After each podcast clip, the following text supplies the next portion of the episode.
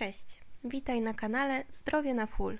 Nazywam się Julia Kowalska, a celem mojego podcastu jest przekazywanie w przystępny sposób wiedzy na temat szeroko pojętego zdrowia przy uwzględnieniu bieżących zaleceń medycznych i badań naukowych. Mam nadzieję, że z każdego odcinka wyniesiesz coś dla siebie i razem ze mną poprawisz swoje zdrowie i ogólną kondycję psychiczną. Wraz z zaproszonymi do odcinków ekspertami i pacjentami oswajamy trudne tematy i pokazujemy Ci, jak dbać o zdrowie w sposób holistyczny, tak by osiągnąć długotrwałe i zamierzone efekty.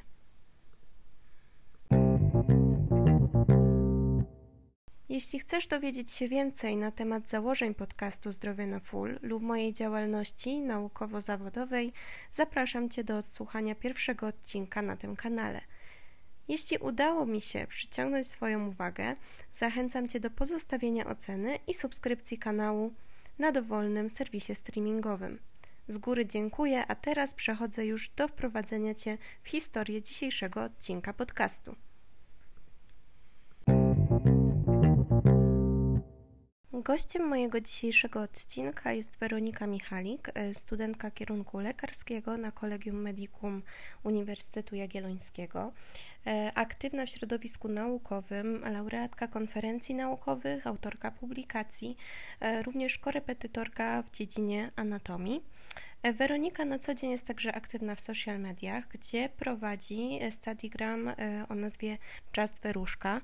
Podlinkuję Wam właśnie jej profil w opisie odcinka.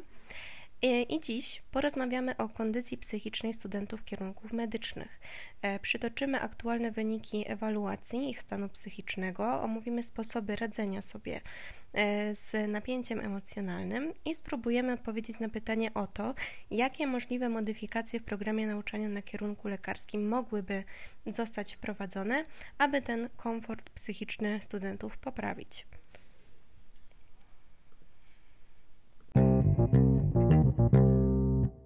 Cześć Weronika, bardzo się cieszę, że przyjęłaś moje zaproszenie. E, bardzo mi miło, że mnie zaprosiłaś, bardzo się cieszę, e, że mogę z Tobą porozmawiać e, na według mnie ważny temat z perspektywy dzisiejszych młodych ludzi na studiach, szczególnie na takich trudnych studiach, jakimi są studia medyczne. Jasne, ja absolutnie się pod tym podpisuję. Również w ostatnim czasie i, i to chciałabym przytoczyć, od tego zacząć. Powstały takie badania w ramach Dni Zdrowia Psychicznego na UJCM, których wyniki udało mi się w międzyczasie odnotować, resztę pozyskać także od e, Uli Durlak, która była pomysłodawczynią tego projektu. Analiza, która została przeprowadzona właśnie jakby w celu uwydatnienia problemu e, z zakresu zdrowia psychicznego wśród studentów kierunków medycznych, bo zaznaczmy to, że nie chodzi nam jedynie o studentów kierunku lekarskiego, e, ale także studentów innych wydziałów, w tym Wydziału Nauk o Zdrowiu, ale także Wydziału na przykład farmaceutycznego. E, z tym, że kluczową tutaj zmienną było to, czy osoby te mają do czynienia z bezpośrednim takim zawodem pomocowym, tak? Czyli na przykład studenci e, zarządzania w ochronie zdrowia niekoniecznie są dla nas przedstawicielami, którzy świadczą e, właśnie jakieś usługi pomocowe. Tym samym są mniej narażeni na wypalenie zawodowe czy trudności ze zdrowiem psychicznym. Weronika, Ty reprezentujesz e, właśnie e, studentów kierunku lekarskiego, więc oczywiście do tego będziemy nawiązywać.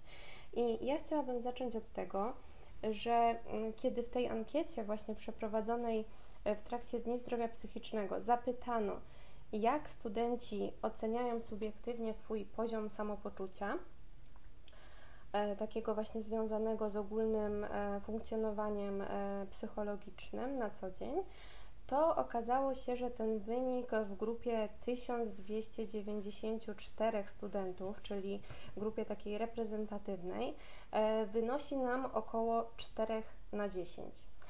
E, co Ty o tym myślisz, e, obserwując w ogóle studentów wokół siebie, przedstawicieli tych kierunków i jak też Ty umiejscowiłabyś się na tej skali?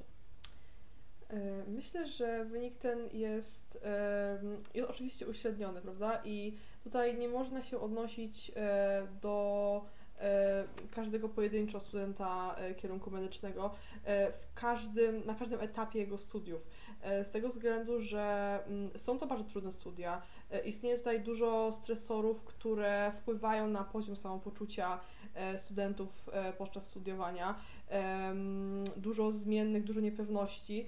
Z tego względu myślę, że właśnie mm, sama ta trudność i te negatywne aspekty mogą wpływać, nawet jeśli nie są przeważającą częścią życia takiego studenta podczas 6 czy 5 lat studiów, e, to mogą one przeważyć właśnie na, na tej ocenie e, i tym samym ją zaniżać. Z tego względu właśnie e, no, wynik 4 na 10 jest to dość słaby wynik.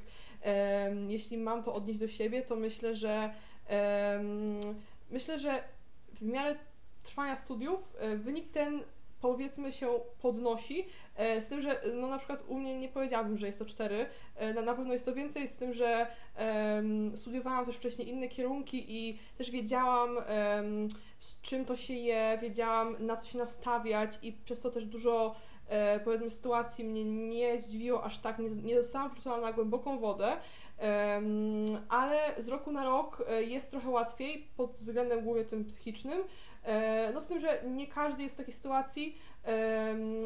To zależy oczywiście od indywidualnych predyspozycji, e, ale myślę, że no, co powiedziałam, głównie tą ocenę mogą zaniżać e, no, takie pojedyncze, bardzo silnie stresowe sytuacje, e, czy samo też środowisko, e, w jakim e, się tacy studenci znajdują, e, które też nie należy do, do najzdrowszych środowisk, e, powiedzmy sobie szczerze, więc, e, więc taka jest moja opinia na ten temat. Mhm. No ja absolutnie się z Tobą zgadzam. Myślę też, że to jest właśnie taki rodzaj budowania odporności psychicznej w trakcie tych studiów. E, Niektórzy mówią, wykorzystując to tak trochę złośliwie, że te studia hartują, e, że taki jest też ich cel, żeby przygotować tego młodego człowieka wchodzącego w świat medyczny do funkcjonowania w trudnych warunkach. Tylko mm, ja mam przynajmniej takie przemyślenie, taką obserwację, którą też rozwijałam właśnie w swojej pracy dyplomowej, że jedną z takich głównych zmiennych e, świadczących o możliwości pojawienia się wypalenia czy s- zespołu stresu pourazowego wśród medyków jest właśnie wiek. Czyli wydaje się, że wcale to nie jest tak, że im dłużej trwa e, ta pomoc niesiona innym ludziom, im więcej jest tej pracy, tym gorszy jest stan psychiczny, tylko właśnie często to na początku jakby mm, to zderzenie tych oczekiwań wobec zawodu czy ścieżki studiów e, z tym, jak to naprawdę wygląda, jaka jest ilość e, tych, od, tych zakresów odpowiedzialności, prowadzi nam do tego, że właśnie pojawia się taki rodzaj powiedzmy narażenia na wystąpienie tych zaburzeń, więc to jest bardzo spójne z tym, e, co mówisz. Ja też e, chciałam jeszcze się odwołać właśnie do tych e, wyników. Będziemy się do nich odnosić w dzisiejszym odcinku e, kilka bądź kilkanaście razy, bo jest to naprawdę fajne, rzetelne badanie oparte na naprawdę dużej próbie. I chciałabym na chwilę skupić się na tych czynnikach, które wpływają zarówno Twoim zdaniem, jak i na bazie właśnie uzyskanych danych na samopoczucie przeciętnego studenta medycyny. Gdybyś miała popatrzeć jakby na te statystyki, które mówią nam, że decydującym takim elementem jest ilość nauki, ilość materiału, ale także ilość snu, czyli tutaj rozumiemy przez to, że niewystarczająca ilość snu, ale także zdrowie czy finanse, to jak uważasz, które z tych elementów my tak naprawdę jako ludzie jesteśmy w stanie jakoś zmodyfikować, a które są zupełnie stałymi w czasie tych studiów, które jedynie można zaakceptować i po prostu pójść dalej. Więc jeśli chodzi o y, ilość materiału, ilość nauki em, i pozostałe czynniki, które też em, w dość spory sposób wpływają na to samopoczu- samopoczucie, em, jest to wszystko powiązane. Z tego względu, że ilość nauki oczywiście jest tym elementem stałym, e, nie jesteśmy w stanie tego zmienić i to oczywiście zależy od uczelni.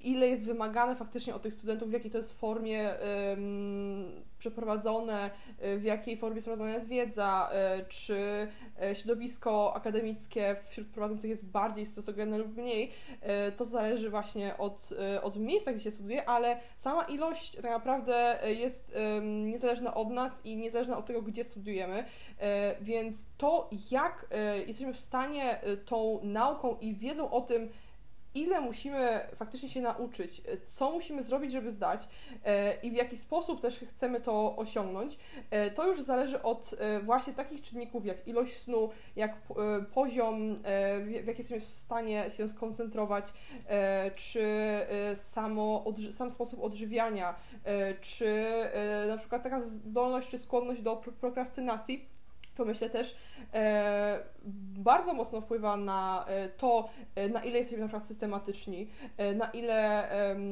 powiedzmy wpływają na nas opinie osób trzecich, czy na ile wpływa na nas po prostu otoczenie, czy na przykład chcemy podążać za grupą, czy chcemy iść jakąś swoją drogą, prawda? Tutaj myślę, że to później e, skutkuje tym, że no, nagle e, zmierzamy się z czymś takim, że przed egzaminem e, konfrontujemy się faktycznie z ilością materiału na egzamin i nie jesteśmy sobie w stanie z tym poradzić, zarówno fizycznie, jak i psychicznie. I o ile mamy wsparcie otoczenia, czy mamy wokół siebie przyjaciół, czy dobrych znajomych, czy rodzinę, jest to powiedzmy mniejszy poziom stresu, prawda? Ale bardzo często po prostu z, braku tego czasu e, nawet nie pomyślimy, czy no nie mamy okazji e, odezwać się do kogoś, porozmawiać z kimś e, na temat tego, jak się czujemy, jak sobie z tym stresem poradzić. Więc myślę, że to się wszystko nawarstwia i no to samopoczucie czasem jest, no nie szukujmy się, tragiczne, prawda? I nie bez powodu medycyna pod tym względem jest właśnie trudna, że właśnie ilość tej wiedzy jest na tyle duża, że e, w przypadku nawarstwienia się nawet e, małych czasem problemów e, potrafi to przynosić takie no, dość negatywne skutki na samo samopoczucie i wtórnie właśnie na efektywność naszy, naszej nauki, naszej koncentracji czy samych wyników, więc to myślę no jest bardzo złożony problem. Mhm. Wiesz co mnie zaskoczyło, bo tak jak mówisz, tu jest jakby bardzo duża ta współzmienność i tak naprawdę bardzo dużo e, z tych czynników sprowadza nam się do stylu życia. E, czyli zupełnie nie jest tak, jak e, myślą na ogół ludzie oceniający to z boku.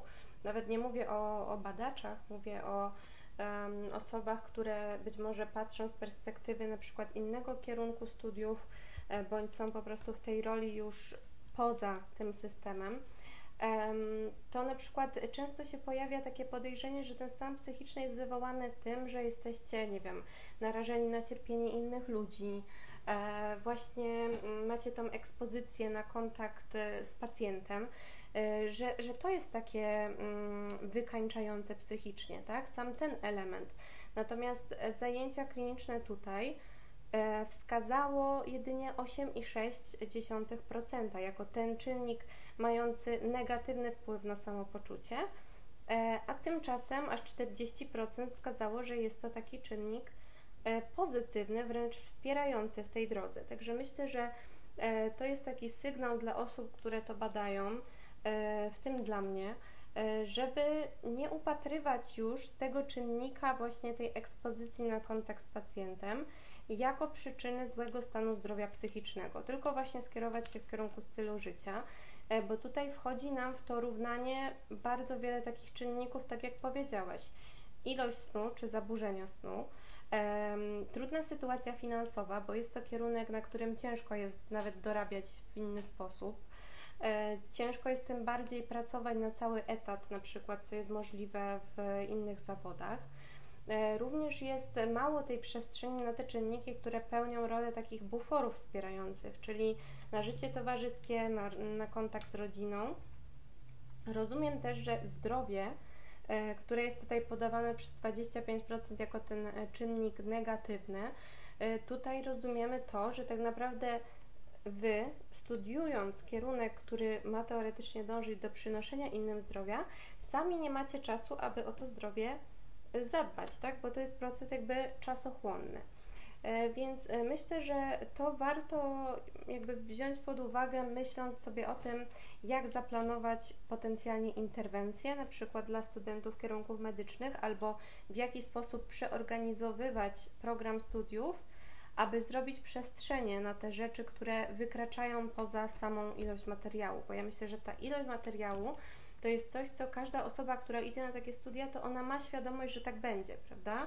Oczywiście. E, może się zaskoczyć negatywnie bądź pozytywnie, e, bo czasami też e, zdarzają się osoby, jak, jak rozmawiam właśnie z jakimiś studentami kierunku lekarskiego, to słyszę, że na przykład ja byłem, byłem czy byłam tak negatywnie nastawiony do tego, że po prostu jak przyszedłem, to w sumie stwierdziłem, że no nie jest tak źle bo jest coś takiego, taka bańka pompowana, prawda, tak. już w liceum, Oczywiście. że to jest nie do przejścia, że to jest w ogóle tylko dla najlepszych. Ym, no. Jest po prostu mnóstwo stereotypów, które gdzieś tam krążą wokół, wokół takiego kierunku, czy takich kierunków. Tutaj nie mówimy oczywiście tylko o kierunku lekarskim, e, ale e, no to, co ja też przeżyłam na własnej skórze, byłam na innych kierunkach. E, studiowałam zarówno kierunek lekarsko-dentystyczny, jak i chemię.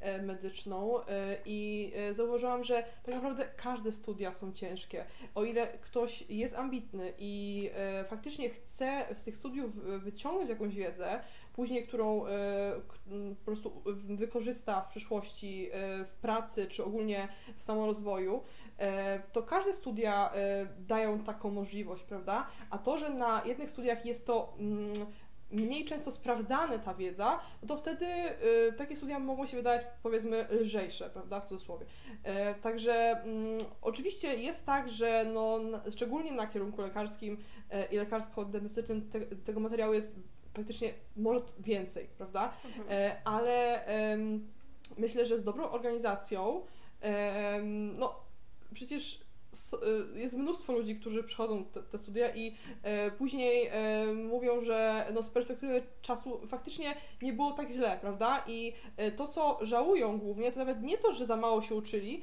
tylko głównie właśnie, że nie zadbali o te aspekty e, samopoczucia, o te aspekty właśnie życia towarzyskiego, e, czy samo tego, że były to lata ich młodości, a e, powiedzmy głównie wspominają je pod kątem nauki, ciągłego stresu, czy zaliczę, czy nie zaliczę, prawda? E, I w tym myślę jest problem. Mhm. Tak, czyli wiemy już, że jakby mm, cały ten e, problem w zakresie występowania negatywnego czy też obniżonego samopoczucia, problem z zakresu chronicznego zmęczenia, lęków i innych takich manifestacji E, tego, że na to zdrowie psychiczne nie ma przestrzeni faktycznie, w, jeśli chodzi o takie programowe założenia. Wiemy już, że te konsekwencje są. I teraz chciałabym Cię zapytać, czy myślisz, że dużo osób spośród tych, które zdają sobie jakby sprawę z tego, że potrzebują pomocy, czy dużo z nich korzysta? Myślę, że to jest zdecydowana mniejszość yy, i yy, o ile e, oczywiście nie mówimy o takich osobach, które gdzieś tam przebywają w takim środowisku, powiedzmy, psychologów, czy psychoterapeutów, czy psychiatrów, jeśli na przykład mają kogoś takiego w rodzinie, prawda, bo tutaj e, wtedy taki aspekt jest może troszkę ułatwiony, e, ale jednak no jest to mniejszość z tego względu, że właśnie istnieją tutaj takie czynniki, które dość mocno zniechęcają, na przykład właśnie cena, e, koszty mm, takich wizyt, czy sam, sam fakt, że e, cała taka psychoterapia, czy taka pomoc mm, nie przynosi skutków od razu, prawda? Jest to jakiś okres czasu, który musimy poświęcić i tutaj właśnie wchodzi kolejny aspekt, czyli czas, prawda? Takim najczęstszą wymówką, którą słyszę od studentów kierunków medycznych na temat tak naprawdę wszystkiego. Tutaj i zarówno chodzi o e, wizyty u, u lekarzy specjalistów, czy, czy kontakty z rodziną, czy właśnie e, nawet e, pomoc właśnie w, w, aspekcie psychologicznym jest to po prostu brak czasu. O cokolwiek nie pytam takiego studenta, po prostu główną wymówką jest no nie miałam, nie miałam czasu. Tylko, że właśnie czas to jest coś, co ma każdy z nas i mamy go tyle samo, tak? Tylko to, jak go rozdysponujemy i e, jakie priorytety jakby wprowadzimy e, względem e, tego, co robimy w życiu i tego, na co poświęcamy ten czas, to tutaj myślę, na wszystko ten czas można znaleźć. Szczególnie, że no, zdrowie psychiczne jest to element zdrowia, tak jak też powiedziałaś na samym początku, i ma to dość mocne przełożenie na objawy somatyczne. Sama możliwość, czy same zaburzenia snu, prawda, czy jakieś na przykład nerwobóle, prawda, czy ogólnie no taka mm, obniżona koncentracja, czy e, zaburzenia nastroju, czy ogólnie tutaj jest dużo takich, e, takich czynników, które pokazują, że ten stres e, dominuje nad nami, e, dominuje nad naszym zdrowiem fizycznym, e, no ale generalnie właśnie, czy jesteśmy w stanie znaleźć taki punkt, wyłapać taki punkt, w którym powiemy faktycznie, że sami przed sobą, że potrzebujemy pomocy i że faktycznie e, chcemy poświęcić ten czas i te pieniądze bardzo często, e, żeby o to zdrowie psychiczne po prostu zadbać. Tak, ja myślę, że to, o czym mówisz, to jest właśnie takie coś, co też bardzo często obserwuje się w warunkach klinicznych, czyli ten argument braku czasu i to i wśród studentów, i potem wśród pracujących lekarzy. Tymczasem to jest takie właśnie błędne koło, prawda? Czyli z jednej strony tak, ktoś odczuwa, że ma tą obniżoną koncentrację, bo żyje w taki sposób, jaki żyje, czyli w ciągłym jakby stresie, biegu, lęku przed wynikiem, lęku przed przyszłością, E, jakby same te myśli, które się generują, one wywołują objawy somatyczne. Pojawiają się na przykład, tak jak powiedziałeś, zaburzenia snu. Osoba gorzej śpi, ma obniżoną koncentrację. Czyta na przykład coś, co mogłaby przeczytać, nie wiem, w 15 minut, to czyta to dwie godziny. Bo zdarzają się takie przypadki i to jest też jedna z manifestacji nawet depresji czy zaburzeń lękowych, gdzie te myśli w momencie, kiedy powinny być skoncentrowane, to one są po prostu skoncentrowane na aspektach lękowych. I e, ciężko jest po prostu przez to przejść. Ja sobie myślę, że złamanie takiego koła może być możliwe tylko wtedy, jeśli osoba w momencie, kiedy ma te objawy, o których my tu cały czas mówimy, je powtarzamy, od razu skorzysta choćby z jednej wizyty diagnostycznej, takiej psychologicznej, która pomoże jakby dojść do tego, czy przyczyna tych trudności nawet w uczeniu się może leżeć w tym zaburzeniu, a nie właśnie w ilości materiału czy trudności, prawda? Czy nawet e, jakichś takich niedoborów e, witaminowych, nawet czy po prostu niedoborów żywieniowych, prawda? Bo to też e, takie, takie aspekty tutaj są bardzo złożone. E, I nawet taka prosta morfologia może nam pokazać e, różne takie rozbieżności, ale e, no, to, co dużo po prostu osób też wyklucza, to są właśnie te, te przyczyny psychiczne, tak, psychologiczne, więc tutaj no, to myślę warto jest rozpowszechniać, żeby faktycznie pomyśleć o tym, że, no, że ten stres może czasem nad nami wziąć górę i że może być przyczyną właśnie takich problemów. Mhm. E, tak, też dodajmy, bo, bo faktycznie e, w tej ankiecie, która była przeprowadzona właśnie w ramach Dni Zdrowia Psychicznego, głównym takim aspektem hamującym, oprócz tego braku czasu, były wysokie ceny wizyt prywatnych. Ja chciałabym zaznaczyć, nie jestem w stanie tego powiedzieć za wszystkie uczelnie, natomiast wiem, że w obrębie naszej uczelni e, funkcjonuje SOWA, czyli taki ośrodek, który oferuje w ramach interwencji kryzysowej to nie może być długotrwała e, psychoterapia, natomiast oferuje właśnie darmowe konsultacje dla studentów.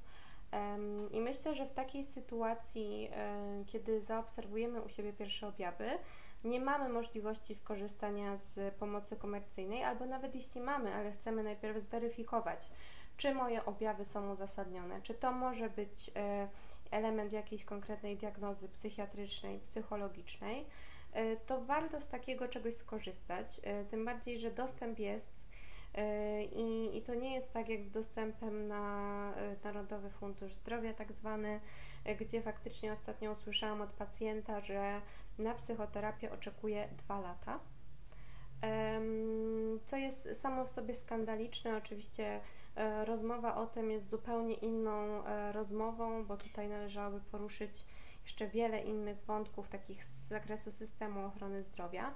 Natomiast dwa lata to jest taki okres czasu, który może jakby sprawić, że ta osoba, która ma te objawy już dziś, ona albo nam do tego momentu nie dożyje, jeśli jest na przykład w epizodzie wielkiej depresji, mhm.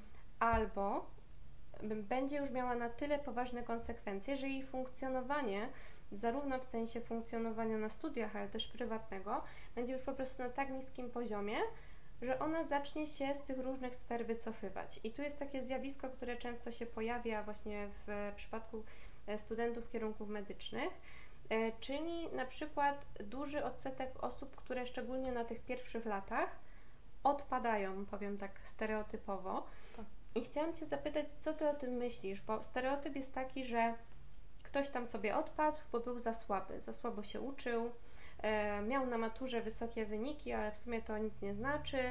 E, był słaby i odpadł.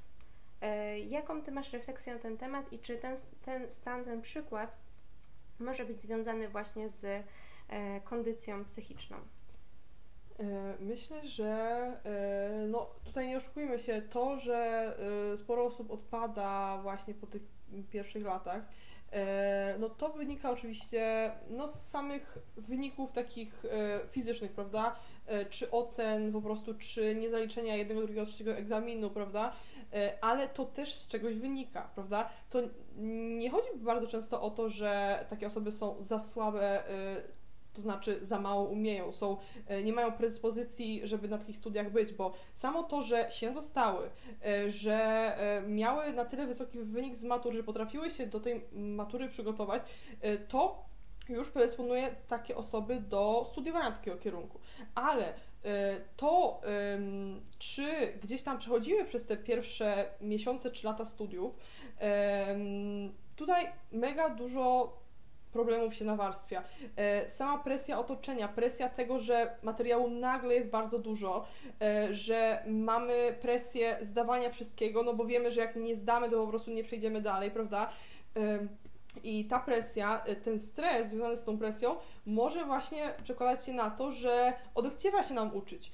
No i automatycznie, jeśli nam odechciewa uczyć, jeśli wiemy, że mamy takie przeświadczenie, że no, uczymy się, ale i tak to nie przynosi wyników, albo i tak to nie przyniesie wyników, co, co jest y, jeszcze e, gorszym podejściem, to wtedy faktycznie mm, mm, co za tym idzie, to jest po prostu niezaliczenie pasma e, egzaminów e, i tym samym nie zdanie roku, prawda?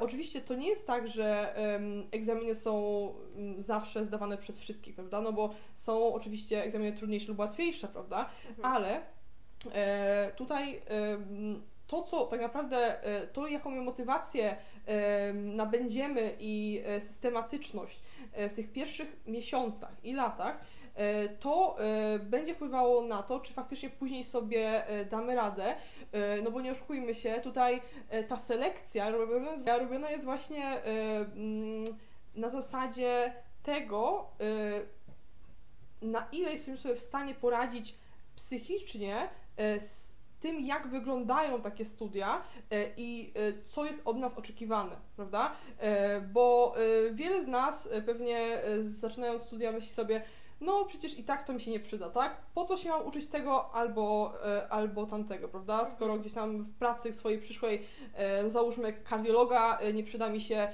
to, jak wygląda ząb, prawda? Ale no generalnie nie zawsze o to chodzi i czasem po prostu trzeba znaleźć tą motywację, żeby e, coś po prostu pozdawać. Też oczywiście rozkładając odpowiednio swoje siły, prawda, e, i możliwości, e, no ale generalnie to wszystko się zaczyna w głowie i tak naprawdę wydaje mi się, że to jest właśnie z tego względu główny powód, dlaczego ci ludzie po prostu odpadają. Mhm. Czyli, że właśnie tak naprawdę mm, duża część tych problemów zaczyna się jednak w ogólnej kondycji psychofizycznej. Ja też sobie myślę, że nawet jeśli ktoś miałby problem z zaliczeniem kilku egzaminów pod rząd, ale miałby w sobie, mm, bo, bo to jest w ogóle grupa z bardzo silną motywacją, z dużą taką siłą woli e, robienia e, jakby mm, tego kierunku, kontynuowania go, e, bycia lekarzem. Dla wielu osób to jest takie marzenie praktycznie, nie wiem, od dzieciństwa, odkąd pamiętają. I myślę sobie, że w momencie, kiedy ktoś psychicznie czułby się na siłach, aby to zrobić, to naprawdę byłby w stanie ten trudny okres przejść i nawet poprawić, gdyby to było 10 e, egzaminów. Oczywiście czasami jest tak, że wchodzą te inne zmienne, jak nie wiem, e, zakres pamięci, jej, jej taka siła też w kontekście kojarzenia różnych e, tematów ze sobą, ale na pewno jeśli chodzi o szybkość uczenia się, to ta rola zdrowia psychicznego jest naprawdę duża. I teraz chciałabym przejść, kiedy już wiemy też dlaczego e, i w jaki sposób te mm, trudności związane ze studiowaniem nawiązują do trudności w zakresie zdrowia psychicznego, to chciałam Cię zapytać po pierwsze, co sądzisz o takich inicjatywach jak Dni Zdrowia Psychicznego mm, na UJCM, e, ale też e, co myślisz, że tak naprawdę mogłoby się zmienić, aby realnie tym grupom studentów pomóc? Myślę, że takie inicjatywy są no przede wszystkim po to, żeby mm, tak naprawdę zebrać e, te osoby, które faktycznie e, może odpaliła im się w głowie taka lampka, że e, właśnie chciały poszukać więcej informacji na ten temat. Może nie mają sprawdzonych źródeł, też może nie mają czasu właśnie, żeby tego zrobić. I to jest właśnie taka dobra okazja, żeby faktycznie przyjść, posłuchać, E, co profesjonaliści mają e, do powiedzenia na ten temat. Może znaleźć gdzieś w tym wszystkim powód właśnie swojego, swojego problemu jakoś, prawda? E, I podjąć względem tego działania, prawda? Mhm. Bo no generalnie właśnie tak jak powiedziałyśmy wcześniej, mało kto sam z siebie zgłasza się do tego psychologa jakby identyfikuje w sobie jakiś konkretny problem, prawda? Bo tutaj też E, wymaga to głębszej analizy, prawda? Mm -hmm. Od tego właśnie są psychologowie, żeby taką analizę przeprowadzić. E, ale myślę, że takie dni mają właśnie na, e, na celu uświadomienia też ludzi, jakie potencjalnie w ogóle mogą być problemy i do czego one mogą prowadzić, prawda? Więc myślę, że każdy jest w stanie taki jeden dzień, czy nawet pół dnia znaleźć, żeby przyjść posłuchać, czy właśnie zaangażować się w daną działalność pod nawet kątem takim samorozwojowym, mhm. prawda? E, bo tak naprawdę im bardziej jest, jesteśmy świadomi takich e, problemów e, i takich sfer, to tym jesteśmy bardziej wrażliwi na to, co się dzieje też z innymi ludźmi, prawda? Mhm. Też właśnie lepiej jesteśmy w stanie im pomóc, no jako przyszli gdzieś tam lekarze, prawda, no to ta pomoc jest głównym celem naszej działalności, prawda, więc E, o ile będziemy na przykład w stanie pomóc znajomym w naszym otoczeniu, bo zauważymy u nich e, jakiś problem, z którym oni się zmagają, to myślę, że to też jest kwestia samej świadomości i tego, czy właśnie, czy to zauważymy i czy jesteśmy świadomi tego, do czego to może właśnie e, doprowadzić. Mhm. A jakbyś miała właśnie zasugerować e, jakieś zmiany, które uczelnia nie tylko nasza, y, generalnie uczelnia medyczna, y, mogłaby wprowadzić, aby właśnie mm, lepiej przygotować tych studentów do radzenia sobie. Ja mam takie poczucie też na bazie mojego doświadczenia prowadzenia warsztatów y, z waszymi grupami.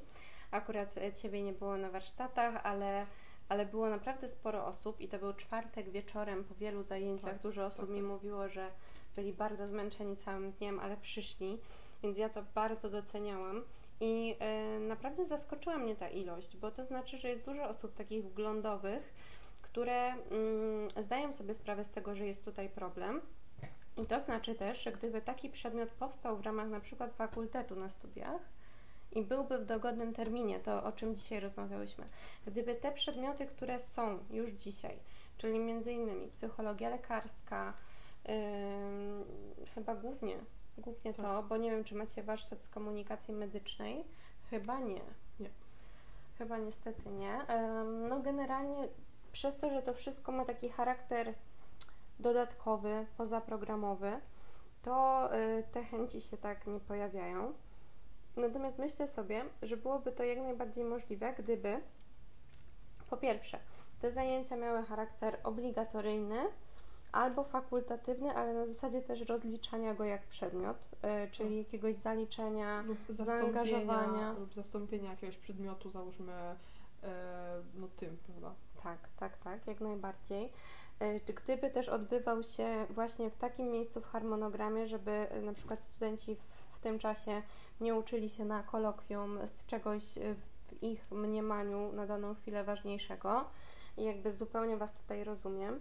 Też istotne byłoby w, pewnie wprowadzenie jakichś spotkań e, grupowych służących przepracowaniu emocji, bo myślę sobie, że nikt tak nie rozumie drugiego studenta kierunku medycznego, jak właśnie student kierunku medycznego, no bo Mhm. przecież nie, nie znamy specyfiki życia w danym e, środowisku, w danej grupie, o ile sami tego e, nie przeżyjemy. Więc to są takie pomysły, które przychodzą mi do głowy też na bazie tych rozmów moich z, e, ze studentami w czasie warsztatów. Natomiast chciałam Cię zapytać, czy Ty masz jakieś pomysły, co jeszcze mogłoby się zmienić, aby było w tym zakresie lepiej?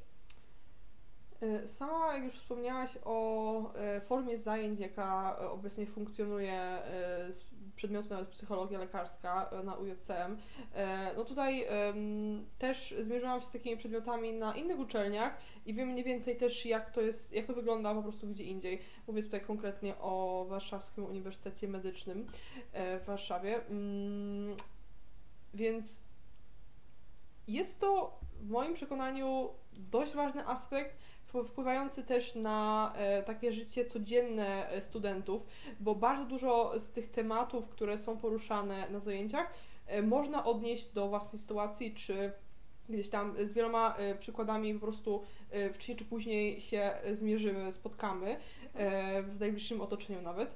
Mm, Ale to faktycznie, jak to wygląda, jak te zajęcia są przeprowadzane, no to nie oszukujmy się, że e, wprowadzając taki przedmiot na, na roku, na akurat drugim roku e, kierunku lekarskiego, gdzie jest mnóstwo przedmiotów, e, mnóstwo bardzo ważnych e, prze- przedmiotów, bez których no, nie przejdziemy dalej po prostu, e, czy na przykład jest to patologia, czy jest to mikrobiologia, czy jest to farmakologia, e, to myślę, że po prostu te inne przedmioty, tak jak e, powiedziałaś, w cudzysłowie mniej ważne, są po prostu spychane na bok, prawda? I o ile siedząc na takim przedmiocie, słuchając, myślimy, że jest to ciekawy temat, to odechciewa się nam, myśląc o tym, że no musimy to jakoś zaliczyć, prawda? Jest jakiś tekst, jest jakiś test, e, który po prostu trzeba zdać i pójść dalej, prawda? E, Ale myślę, że e, no, poziom zaangażowania na pewno powinien być troszkę większy, żeby w taką tematykę się bardziej zagłębić, można powiedzieć. I samo to, żeby, mm, tak powiedziałaś, prowadzić te zajęcia e, o lepszej porze, prawda? Bo pora dnia mam ogromne e, zn- znaczenie i jeśli jest to na przykład ósma rano, to po prostu no, e, jednak duża większość nawet mojej grupy po prostu odsypiała wtedy dzień wcześniej, prawda? Czy właśnie, czy samo prowadzenie tych zajęć przez e, prowadzących może w trochę bardziej angażujący sposób, prawda? Bo robienie wykładu na, na dwie godziny, e, no e, wcześniej czy później skończy się tym, że nasza koncentracja, uwaga się po prostu odcina, prawda? E, I nawet jeśli chcemy słuchać, to po prostu fizycznie nie możemy. Nie jest to dla nas najłatwiejsze.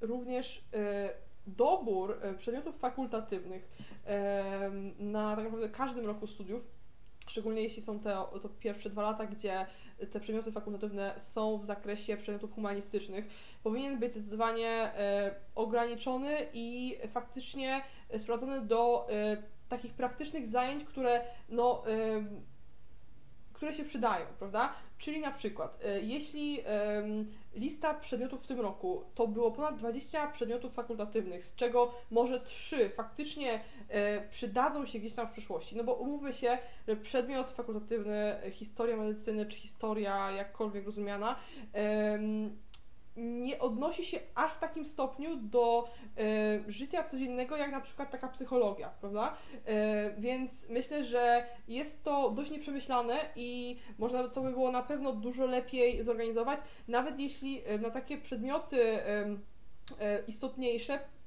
wprowadzono by więcej miejsc, e, bo niestety na każdy przedmiot jest ograniczona ilość miejsc, no i automatycznie nie wszyscy są w stanie skorzystać z takich zajęć, e, no i też po prostu bardzo często, bardzo często jest odbierana po prostu ta możliwość uczestniczenia w czymś takim, później na kolejnych latach studiów no czegoś takiego nie ma, tym bardziej, prawda? Więc myślę, że na każdym roku powinna być taka możliwość e, dobrania sobie takiego e, przedmiotu, o ile ktoś tego potrzebuje, e, bo jest to niezwykle ważne pod kątem właśnie zdrowia psychicznego studentów, no i tym samym ich produktywności, efektywności i radzenia sobie na innych przedmiotach, czy ogólnie na poszczególnych latach studiów. E, czy później e, ma to sam efekt na e, pracę zawodową, to czy dany lekarz będzie bardziej wyczulony w cudzysłowie na zdrowie psychiczne swoich pacjentów, czy nie.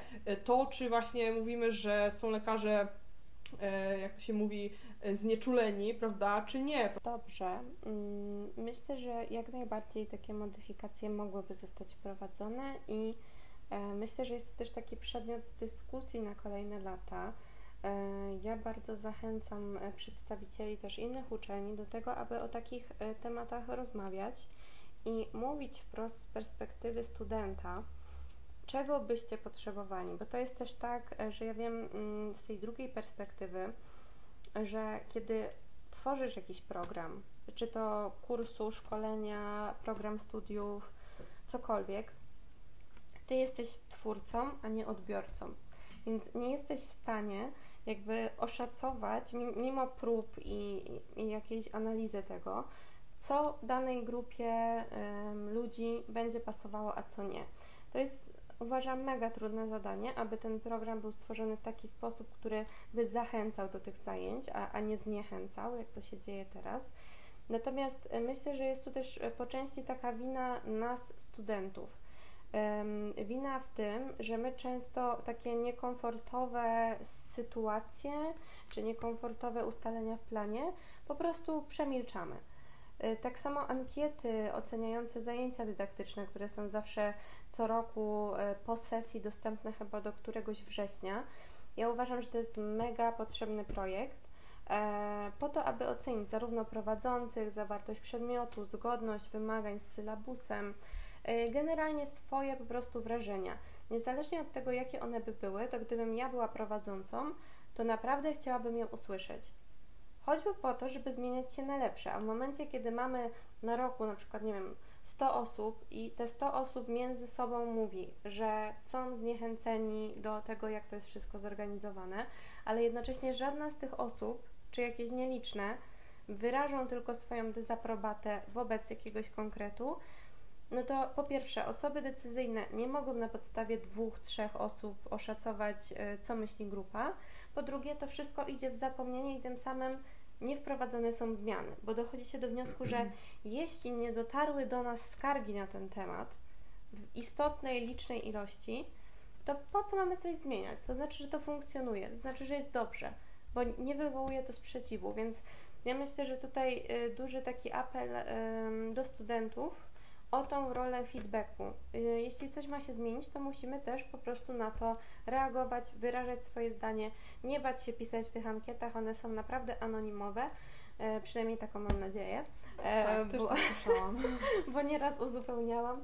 Nie, nie pracowałam nigdy w komisji dydaktycznej, ale wydaje mi się, że są. E, w każdym razie to taki żart, na pewno są. Mm, wydaje mi się, że warto, choćby po to, żeby właśnie zmieniać ten system na lepszy i żeby, nie wiem, kolejnym rocznikom y, żyło się w sposób taki bardziej przyjemny. Y, Weronika, chciałam Cię jeszcze na koniec zapytać y, o to, jakie sposoby na radzenie sobie ze stresem Ty wykorzystujesz, które uważasz za takie najistotniejsze, jeśli chodzi nie tylko nawet o stres, ale o taką higienę emocjonalną w czasie studiów?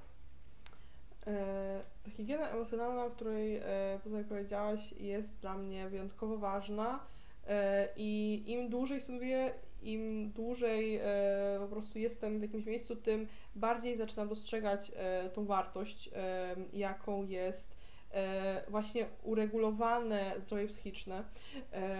I ja tutaj głównie tutaj odwołam się do samego stylu życia, bo styl życia to jest coś, co wpływa na każdy aspekt e, naszego życia e, i myślę, że podejść jest tutaj bardzo dużo, ale w moim przypadku zawsze aktywność fizyczna wpływała na mnie bardzo dobrze.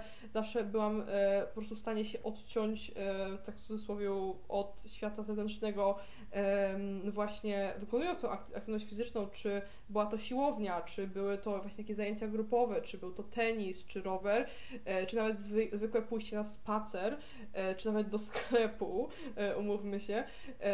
Było to dla mnie zawsze coś bardzo ważnego i ale to też oczywiście właśnie wynikało z tego mojego stylu życia, że ja od zawsze tak naprawdę byłam aktywna, więc nie było dla mnie trudne utrzymać tą aktywność fizyczną podczas studiów. Natomiast jeśli ktoś no, całe życie nie uprawiał żadnego sportu, nie był w ogóle praktycznie aktywny, no to ciężko jest mu stwierdzić, czy ta aktywność fizyczna będzie dla niego e, właśnie taka uspokajająca jak na przykład w moim, w moim, przypadku, prawda? E, no bo też nie wie na przykład z czym to się je, prawda? Na początku zaczynając y, każdą aktywność fizyczną e, jest ta, taki moment taki początkowy, kiedy no jest dla nas ciężkie fizycznie, nie wiemy czy się do tego nadajemy i tak dalej i to przychodzi z czasem, prawda? Z czasem przychodzą takie pozytywne emocje głównie z tym związane i do, do tego trzeba dojść, tak? Kolejną sprawą jest utrzymanie relacji z moimi znajomymi e, i z moją rodziną.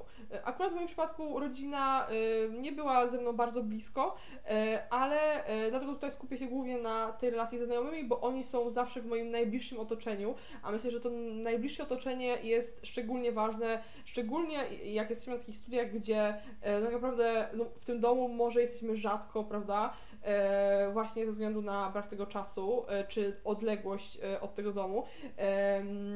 Staram się otaczać takimi ludźmi, którzy ja tutaj zawsze kieruję się taką, takim motto, że oceniając to, czy dana relacja jest dla mnie dobra, czy nie, patrzę się na to, czy po spotkaniu z daną osobą albo po przebywaniu w otoczeniu danej osoby nie czuję się gorzej, to znaczy, że ta osoba y, może być w moim środowisku i nie będzie dla mnie y, toksyczna. Y, miałam już wiele takich sytuacji, że e, usilnie, tak naprawdę jednostronnie starałam się o jakąś e, relację e, i za każdym razem czułam się, czułam jakiś taki niesmak po, po przebywaniu w otoczeniu danej osoby i jeśli i w, w momencie, kiedy to zauważyłam i e, zaczęłam w to wprowadzać po prostu w życie i e, zaczęłam po prostu e, skupiać swoją uwagę głównie na osobach, które są dla mnie dobre, dobre dla mojego zdrowia psychicznego, to e, założyłam, że moje samopoczucie i, moje, e, i mój nastrój na co dzień jest po prostu dużo lepszy. I też e, mm, założyłam, że ludzie mi zaczęli mówić, że no emanuje jakimś takim, e, jakąś pozytywną energią po prostu, tak? E, no ale to wszystko e, zależy od tego, e, no nie bez powodu wzięła się Maksyma, z kim się dajesz takim się stajesz. E, no i tutaj oczywiście nie chodzi o to, żeby być takim e, jak ktoś, prawda, ale e, jednak to, jakie ktoś ma podejście do życia, szczególnie w Twoim najbliższym otoczeniu, ma wyjątkowe tutaj przełożenie na to, jak Ty sam odbierasz tą rzeczywistość, co jest dla Ciebie ważne, czy ta osoba Cię ciągnie do góry, czy ciągnie Cię w dół, zarówno właśnie jeśli chodzi o, o samopoczucie, prawda, wiadomo, że otaczając się samymi na przykład pesymistami, y, sami wcześniej czy później zaczniemy myśleć pesymistycznie, y, no pójdziemy y, tak trochę za grupą, prawda? Więc to są dla mnie takie dwa bardzo mocne, mm, bardzo ważne aspekty właśnie obniżania tego stresu i to, jak ja sobie radzę w taki najprostszy sposób. Mm, oczywiście dni, kiedy jestem na przykład sama, e, kiedy się uczę, kiedy na przykład jestem w domu, prawda? E, tutaj bardzo dużo mi daje zmiana miejsca. Siedząc któryś już dzień pod rząd w domu, no, z dnia na dzień e, to samopoczucie spada. I myślę, że wiele osób jest w stanie zauważyć, że po prostu znajduje sobie różne um, zajęcia w celach prokrastynacji i w celu po prostu um, tego, że no nie umieją usiedzieć w miejscu um, i no, y, cały czas, że tak powiem, się dekoncentrują, prawda?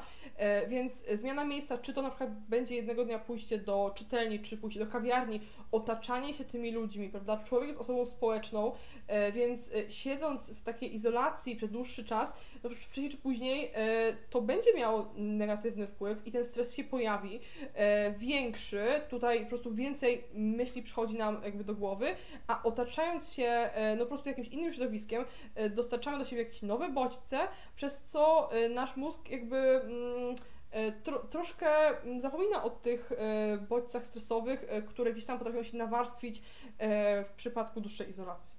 Mhm.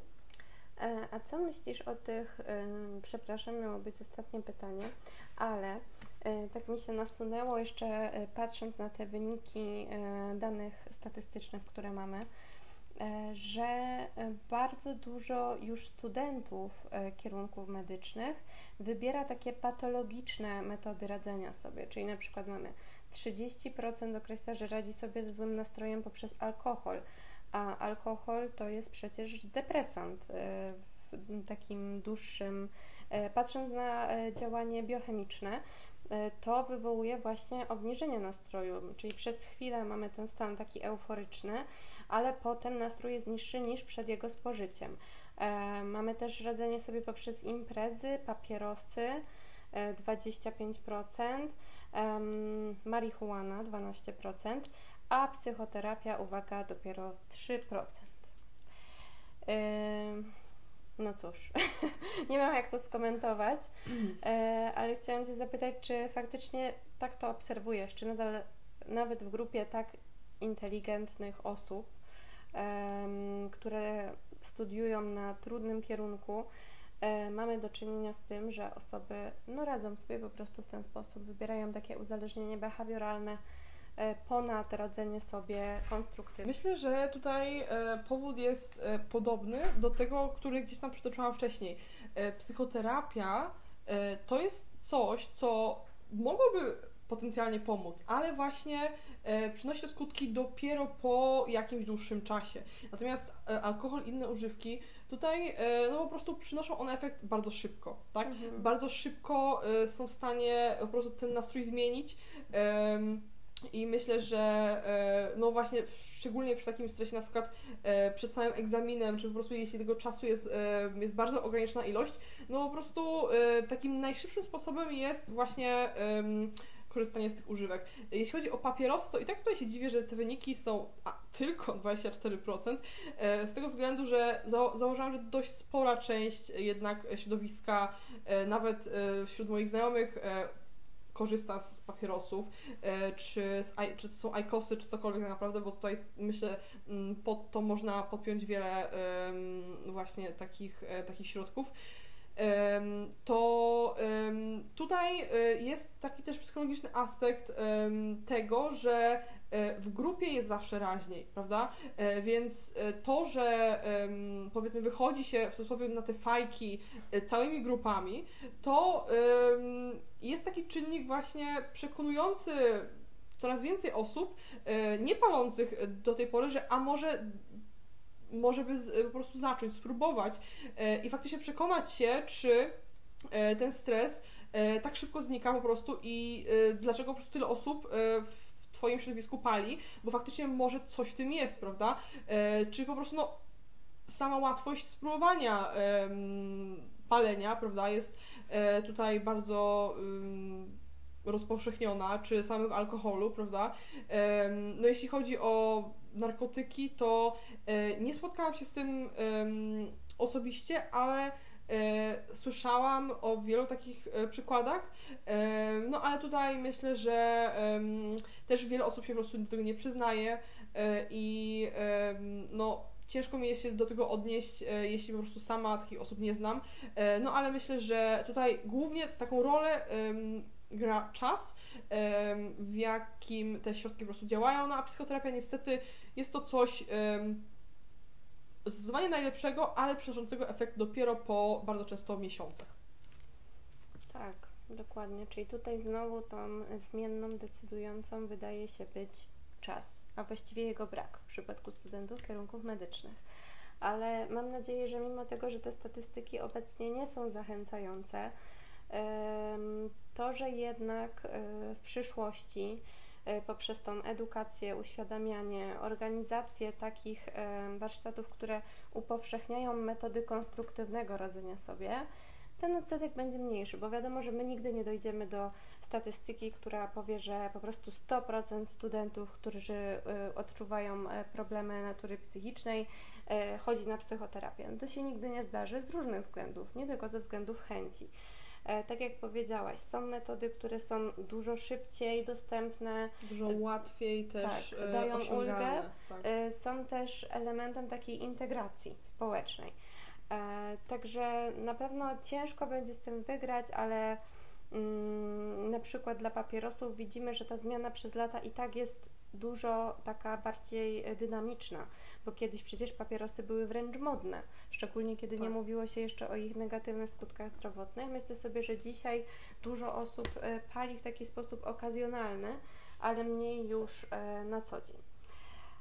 Dobrze, Weronika. E, kończymy takim mało optymistycznym akcentem, ale wierzę, że nasza rozmowa doprowadzi słuchaczy do jakichś wniosków dotyczących czy to świadomości odczuwanych tych objawów, ale także takiej gotowości do zgłaszania e, możliwych inicjatyw w zakresie poprawy zdrowia psychicznego studentów. Mam nadzieję, że będzie też inspiracja dla osób, które być może nas będą słuchać, a e, są zaangażowane w jakieś systemowe działania, e, po to, aby się nad tym pochylić, zmienić to już na etapie studiów, a niekoniecznie na etapie już pracujących w systemie lekarzy, bo wtedy to już może być ten za bardzo zaawansowany etap. Także mam nadzieję, że to przyniesie dużo takich praktycznych implikacji. Ja Tobie bardzo dziękuję za podzielenie się też, poza tym, że swoimi obserwacjami, to też e, swoim własnym e, doświadczeniem e, i praktyką codzienną metod redukcji stresu.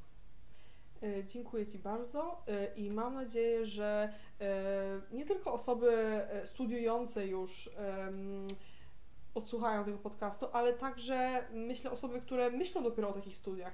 E, może warto by było faktycznie usłyszeć, z jakimi problemami faktycznie zmagają się e, takie osoby, niezależnie od opinii, jakie słyszymy na przykład od znajomych swoich, prawda? E, to warto jest faktycznie wiedzieć, w co się wchodzi, i po prostu mieć jakiś taki obraz szerszy i wiedzieć, na co też zwracać uwagę, co też po prostu z doświadczenia czy na podstawie badań jesteśmy w stanie po prostu powiedzieć. E, więc zachęcam do, do podzielenia się też z nami, jeśli macie jakieś przemyślenia, e, to bardzo chętnie e, podejmiemy taką rozmowę, czy po prostu przesłanie tego znajomym, którzy w Waszej opinii warto by było, żeby tego posłuchali. Także bardzo się cieszę, że miałam okazję tutaj z Tobą porozmawiać, Julia. I Mam nadzieję do usłyszenia. Mm, do usłyszenia, na pewno. Jeśli spodobała Ci się nasza rozmowa, koniecznie daj nam znać i zostaw swoją ocenę oraz subskrypcję kanału. Do usłyszenia w kolejnych odcinkach podcastu Zdrowie na Full.